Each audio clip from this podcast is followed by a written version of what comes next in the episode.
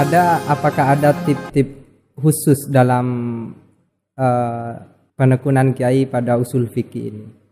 Cara belajarnya misalnya. Ya, kesabaran dan ketelatenan. Kitab-kitab yang ibaratnya sangat sulit itu merupakan tantangan tersendiri itu, ya kan? Dibandingkan dengan membaca kitab-kitab baru yang gampang untuk dipahami, mungkin lebih sangat menantang kalau kita baca kitab-kitab lama yang ibaratnya sangat sulit. Hasilnya berbeda. Ya kita paham dengan melalui kitab-kitab yang sulit lebih nikmat daripada langsung baca yang kemudah itu. Jadi kalau yang mudah tidak ada kenikmatan iya atau kurang. juga tapi kurang gitu. Karena uh, gampang. Gampang. Jadi nikmat justru ketika susah payah dulu baru iya, dapat. iya. Itu mungkin yang perlu ditiru pada murid-murid saya itu cari kitab yang sulit itu dulu dipahami untuk mendapatkan salah satunya kenikmatan. Kenikmatan. Kira-kira kalau di Sukrojo siapa tokoh yang paling mempengaruhi Kiai dalam keilmuan? Kalau yang paling besar jasanya kepada saya dalam bidang keilmuan ya Hadratus Kiai Zofir Manawar ayahanda daripada Kiai Azaim pengasuh yang sekarang ini. Saya ngaji kepada beliau itu sejak saya kelas 5 M. Pertama-tama kitab yang saya haji waktu itu adalah kitab Fatul Qori itu. Beliau itu membaca kitab secara intensif istilahnya, intensif reading atau kiro mukasafa. Maksudnya yang dibaca tidak terlalu banyak, akan tetapi ur uraiannya sangat luas intensif. Jadi belum tentu kalau beliau baca hataman itu hatam. Bisa hatam tapi lama. Hatam Beliau hataman itu kan hanya bulan Ramadan, hatam hataman tafsir. Hmm. Dulu di pesantren Sukrojo ini ada dua guru besar. Yang satu ya almarhum Kiai Lufir Manawar, yang satunya Syekh Toha namanya. Syekh Toha yang kemudian pindah, pindah ke Bindung itu mereka berdua beliau berdua memiliki cara yang berbeda di dalam mengajarkan kitab. Kalau almarhum Kidofir seperti yang saya sebutkan tadi, kiraahnya adalah mukastafa intensif ya. Yang dibaca tidak terlalu banyak tapi uraiannya luar biasa. Sebaliknya Toha itu ekstensif, kiraah muwasa'ah ya. Ya dibaca lafdan wa maknan sehingga kitab besar bisa hatam dalam waktu yang sangat singkat. Ya. Memang kedua model itu bisa tetap dipertahankan mungkin. Dan agaknya Kiai lebih suka yang intensif. Ada sama-sama suka karena sama-sama ikut. Oh. Jadi dahulu diberi amanah untuk mengajar di pondok ini dan Kiai kan memang tidak pernah pindah pondok kan? Iya. Uh, itu kira-kira usia berapa dan apa materi yang pertama kali diajarkan ke teman-teman santri? Seperti yang saya sampaikan tadi itu, saya ngajar itu kelas 2 adik. Kira-kira usia berapa itu? Meskipun kelas 2 adia dulu tidak sama dengan kelas adia sekarang. Kalau sekarang usia apa namanya 18 sudah bisa lulus alia kan? Enki. Mungkin usia 20-an itu mungkin sudah. Kitab yang pertama kali dibaca? Kitab yang pertama kali saya baca anu kitab kalau tidak keliru kitab Jurumiyah. Kitab Matnu uh, Jurumiyah. Pertama kali saya mengajar di kelas 5 ya setelah kelas 5 turun mengajar kelas 3. Setelah kelas 3 ngajar di Alia. Tapi tidak mengajar kitab, mengajar bahasa Inggris. Hmm. Jadi pertama kali justru ngajar bahasa Inggris. Bahasa ya? Inggris di Alia itu. Mohon maaf, jadi sebelumnya belajar dari mana bahasa Inggris itu? Belajar sendiri. Oh, belajar sendiri. Mungkin saya merupakan mahasiswa yang pertama kali lulus bahasa Inggris dalam sebuah ujian di Surabaya dulu. Alhamdulillah. Dulu mahasiswa itu sebelum ujian untuk mendapatkan titel BA kan harus punya ijazah lembaga bahasa yang ujiannya di Surabaya Arab dan Inggris itu. Hmm. Tapi sekarang sudah lupa. Jadi menarik sekali Pak. Bahasa Arab semenjak kecil tapi pertama kali malah ngajar yeah, bahasa iya. Inggris. Yang menarik saya ketika ngajar apa namanya kitab Ajurumia di kelas 3 itu. Saya mendapatkan kesulitan untuk mengajarkan itu dan memahamkan kitab itu kepada murid-murid kelas 3. Maka saya melakukan daya dan upaya yaitu dengan membuat dan menyusun kitab yang sekarang disebut dengan kitab Al-Luqmatus Sa'iwa itu. Saya susun kitab itu sebagai apa namanya? tangga bagi siswa kelas 3 sebelum mereka belajar kitab Ajurumi. Dan alhamdulillah sampai sekarang masih bertahan dan diajarkan di kelas 3M. Ya, itu termasuk saya pertama kali mengenal Nahu ya dari Lukmatus ya, Sa'iwa. Alhamdulillah banyak produk Lukmatus Sa'iwa. Alhamdulillah. Walaupun murah sekali harganya ya. Karena tipis memang uh, ini Kiai berkenaan dengan pengajaran usul fikih di pesantren-pesantren. Jadi selama ini ada semacam kalau bukan stigma ada anggapan bahwa uh, usul fikih hanya diajarkan saja tetapi uh, kurang diminati untuk misalnya menjadi bahan kajian dalam forum-forum basul masail. Apakah uh, menurut Kiai memang ada yang perlu diperbaiki dari sistem pengajaran? Saya melihat kitab-kitab usul fikih baik yang besar maupun yang kecil itu sudah banyak dibaca di pondok-pondok pesantren. Bahkan dijadikan hataman. Termasuk kitab yang kita anggap sangat sulit, Jam'ul Jawami misalnya. Di pondok-pondok pesantren Jawa itu dijadikan hataman itu. Akan tetapi apa namanya pemahaman secara intensif belum terjadi. Namun akhir-akhir ini saya melihat ada perkembangan. Ada perkembangan sesuai dengan perkembangan model Basul Musaid yang diadakan oleh baik oleh NU maupun oleh pesantren-pesantren. Jadi uh, menurut Kiai memang penting untuk lebih banyak melibatkan usul fikih di dalam rumusan-rumusan Basul Masail. Iya, memang sangat penting itu. Iya, sangat penting. Apa masalahnya kalau umpama usul fikih ditinggalkan sama sekali dalam perumusan? anu begini mengapa pengajaran usul fikih di pondok-pondok pesantren sampai sebelum saat ini itu kurang intensif karena ada keyakinan di kalangan orang-orang pesantren bahwa pintu ijtihad itu sudah ditutup. Sementara usul fikih ini kan manhaj ijtihad kan metode untuk melakukan ijtihad. Kalau ijtihad sudah ditutup, untuk apa kita belajar usul fikih secara intensif? Itu penyebabnya. Padahal kita tidak bisa menutup mata bahwa banyak sekali persoalan-persoalan baru yang memerlukan ijtihad baru. Bahkan persoalan-persoalan yang sudah ada acuannya di dalam kitab-kitab ada sebagian yang memerlukan i'adatun nazar ya, kaji ulang dan ini memerlukan sebuah metode yang namanya usul fikih. Jadi dengan menggunakan usul fikih itu tidak berarti apakah itu berarti dalam tanda kutip juga ingin menyaingi para pendahulu ulama-ulama kita yang hebat itu Tidak menyaingi kita terpaksa itu. Kita terpaksa dipaksa oleh apa namanya oleh kondisi untuk melakukan ijtihad meskipun sifatnya adalah jema'i kan. Kita pilihannya adalah satu di antara dua.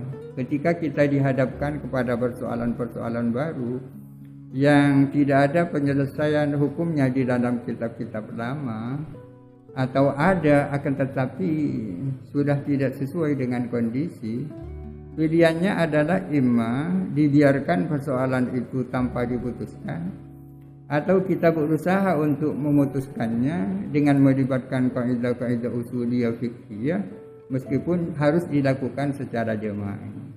Barangkali tetap lebih baik kita melakukan upaya ya untuk menjawab persoalan itu daripada membiarkan tanpa tanpa putusan. Nah, uh, baik ya, terima kasih. Ini masih ada dua pertanyaan bonus, tapi saya Ya teruskan saja. Uh, saya juga beri kesempatan Kiai menjawabnya atau tidak. Hmm. Ini di pilihan dari uh, medsos. Uh, sejak usia berapakah Kiai menikah? Saya menikah usia 33. Mengapa selambat itu? Ini namanya anu teman-teman bilang apa namanya bujuk lanceng. Bujuk lanceng. itu untuk menyebut bujang yang nggak segera menikah. Iya. Terpaut pada saat itu saya sudah usia 33 sementara istri saya masih baru lulus SMA. Baru lulus SMA. Jadi terpaut 15 tahun. 15 tahun. 15 tahun. Jadi usia 33 baru menikah. Tapi itu disengaja atau memang mengalir saja, Kiai? Mengalir karena nah, kawin atau tidak kawin saya ini kan ada di tangan almarhum almarhum lahu biasa. Kalau beliau menghendaki saya kawin umur lima- 25 ya tentunya kawin pada saat itu. Dan waktu akad almarhum Kiasat masih ada. Oh ya beliau yang jadi wali kan. Oh. Bahkan pada waktu walimahnya beliau hadir kan. Masih ingat Kiai maharnya berapa? Maharnya kalau udah salah sepuluh ribu mungkin. Oh 10.000 ribu ternyata pemirsa. Ini bisa ditiru ya untuk kalian yang bujang-bujang ini. Tapi kalau sekarang mungkin kalau dikonversi 10.000 ribu sudah lebih dari 20 tahun. Eh 30 tahun sudah Iya, lebih. tahun 89 89 ada mungkin 30-an tapi mungkin sekarang juga nggak mungkin hanya 100 ribu sekarang itu. Jadi itu murah meriah itu. Iya terlalu murah itu. Memang kurang baik juga terlalu murah. Karena mas kawin itu jangan terlalu murah Tapi juga jangan terlalu mahal. Jangan terlalu mahal. Kalau terlalu murah kenapa tidak baiknya Kiai Ya karena permintaannya murah ya? Oh. dan terakhir ini Kiai Mm-mm. apa yang dilakukan oleh Kiai saat eh, mendapati orang yang dicintai istri misalnya menjengkelkan Kiai. Eh, jadi kalau Kiai marah misalnya apa yang dilakukan? Yang dilakukan siapa itu? yang dilakukan Kiai misalnya istri. Eh, apa kira-kira? Bukan kira-kira tepatnya apa?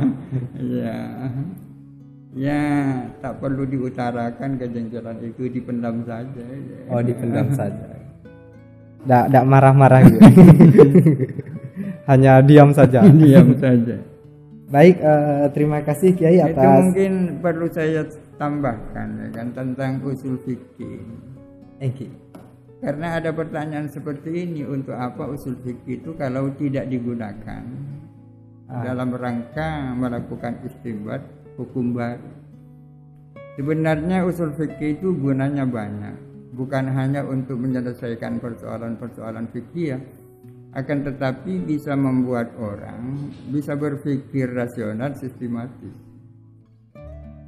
Saya tertarik dengan pernyataan Profesor Ibrahim Malkur dari Mesir. Beliau mengatakan bahwa Imam Ash-Syafi'i dengan usul fikihnya itu jauh lebih hebat daripada Aristoteles dengan logika formalnya. Dengan usul fikih orang bisa berpikir rasional sistematis. Karena sebagaimana disampaikan oleh Al-Ghazali di dalam Muqaddimah Al-Mustasfa itu bahwa usul fikih itu adalah ilmu izdawaja fihi an-naqlu was-sam'u wastahaba fihi ar-ra'yu was-syar'u. Usul fikih merupakan perpaduan antara dua hal. Yang pertama usul fikih memerlukan kecerdasan intelektual. Yang kedua usul fikih memerlukan apa namanya daya hafalan yang kuat terhadap teks-teks syariat. Oh, ini menarik sekali. Kalau begitu tidak benar anggapan kalau usul fikih itu sal- eh, salah satu ha- fungsinya atau manfaatnya itu adalah berpikir sistematis, baik dan logis. Mm-mm.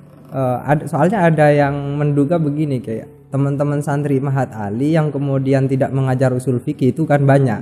Tidak jadi dosen itu banyak. Ada yang jadi punya peternakan, kiai macam-macam. Ada yang ngajar bahasa Inggris juga. Eh, mereka seolah-olah disisihkan dalam pengertian kok usul fikihnya tidak berguna begitu. Jadi itu tidak benar anggapan Oh, tidak seperti itu. benar. Usul fikih itu bisa digunakan untuk apa? Kepentingan politik bisa itu. Bahkan kepentingan peternakan juga mungkin. Soalnya terutama santri-santri yang baru pulang kan kadang repot mencari pekerjaan. Rata-rata ke- eh, belakangan ini lari ke peternakan guys. Oh, iya. Artinya jadi apa pun alumni Ma'had Ali ini tetap mem- bisa memfungsikan Ma'had apa namanya ilmu usul fikih tetap bisa. Tidak harus membaca Jam'ul Jawami, tidak harus membaca Uswayatul Usul, akan tetapi isinya bisa diterapkan untuk menyelesaikan berbagai persoalan.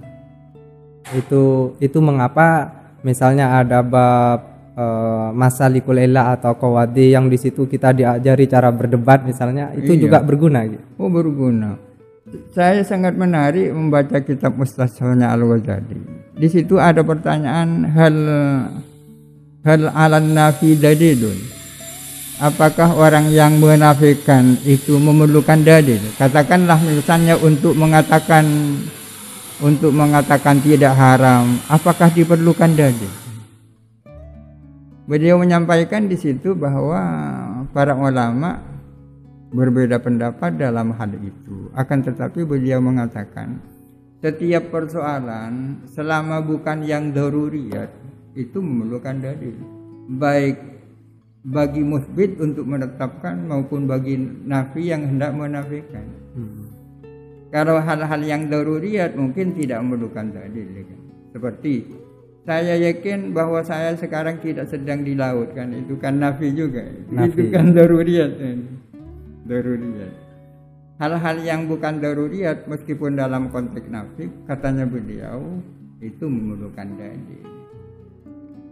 Jadi bahkan eh, yang nafi orang yang menafikan itu juga memerlukan Dalil asalkan bukan hal yang daruriyat. daruri. Iya. Iya. Ini terkait dengan anu dakwah mendakwa kan. Ada muddai, ada mudda'a alaih. Biasanya mudda'a alaih sebagai pihak tertuduh ketika mau menafikan kan tidak di apa namanya tidak dibebani dalil kan. Nah, Apa dalilmu bahwa kamu tidak punya hutang? Nggak ada. ya nggak kan? ada. Sesungguhnya di situ perlu dalil. Akan tetapi akhirnya dinyatakan tak perlu dalil karena ada sabda Nabi al bayyinatu 'alal mudda'i wal yaminu 'ala man angkar. Artinya mudda'a ada pihak tertuduh yang hendak menafikan cukup bersumpah. Seandainya tidak karena ada hadis itu sesungguhnya mudda'a ada sebagai pihak yang tertuduh dan hendak menafikan memerlukan dalil juga. Seandainya tidak ada hadis ya. hadis. ini kan memerlukan anu memerlukan kecerdasan intelektual kan Hmm. Jadi kalau eh, misalnya anak muda ini kayak hmm. mengklaim saya jatuh cinta. Hmm. Nah, sementara yang perempuan enggak saya tidak cinta kamu. Berarti yang butuh dalil itu iya apa dasarnya kamu tidak cinta? Jadi itu perlu ditanya dalilnya. Kamu kok bisa tidak cinta? Gitu. tidak cukup bersumpah. Eh, masih ada tambahan lagi? Ya hanya saran saja kepada oh ya saran. teman-teman- pada teman-teman terutama santri-santri Mahat Ali Salafiyah Syafi'iyah ini agar supaya jangan membuang-buang waktu. Seperti apa buang-buang waktu itu? Membuang waktu ya waktu yang seharusnya digunakan untuk belajar tapi gunakan dengan main bola misalnya. Memang sekarang di pesantren ada ada kelonggaran bagi santri untuk berolahraga. Memang di pesantren ini ada dua ada yang sawabit ada yang mutawayyirat ya kan? Thank you. Ada hal-hal yang apa namanya berubah Sawabik itu artinya harga mati Harga kan. mati. Ada yang bisa berubah setiap saat. Salah satu yang bisa berubah adalah soal olahraga.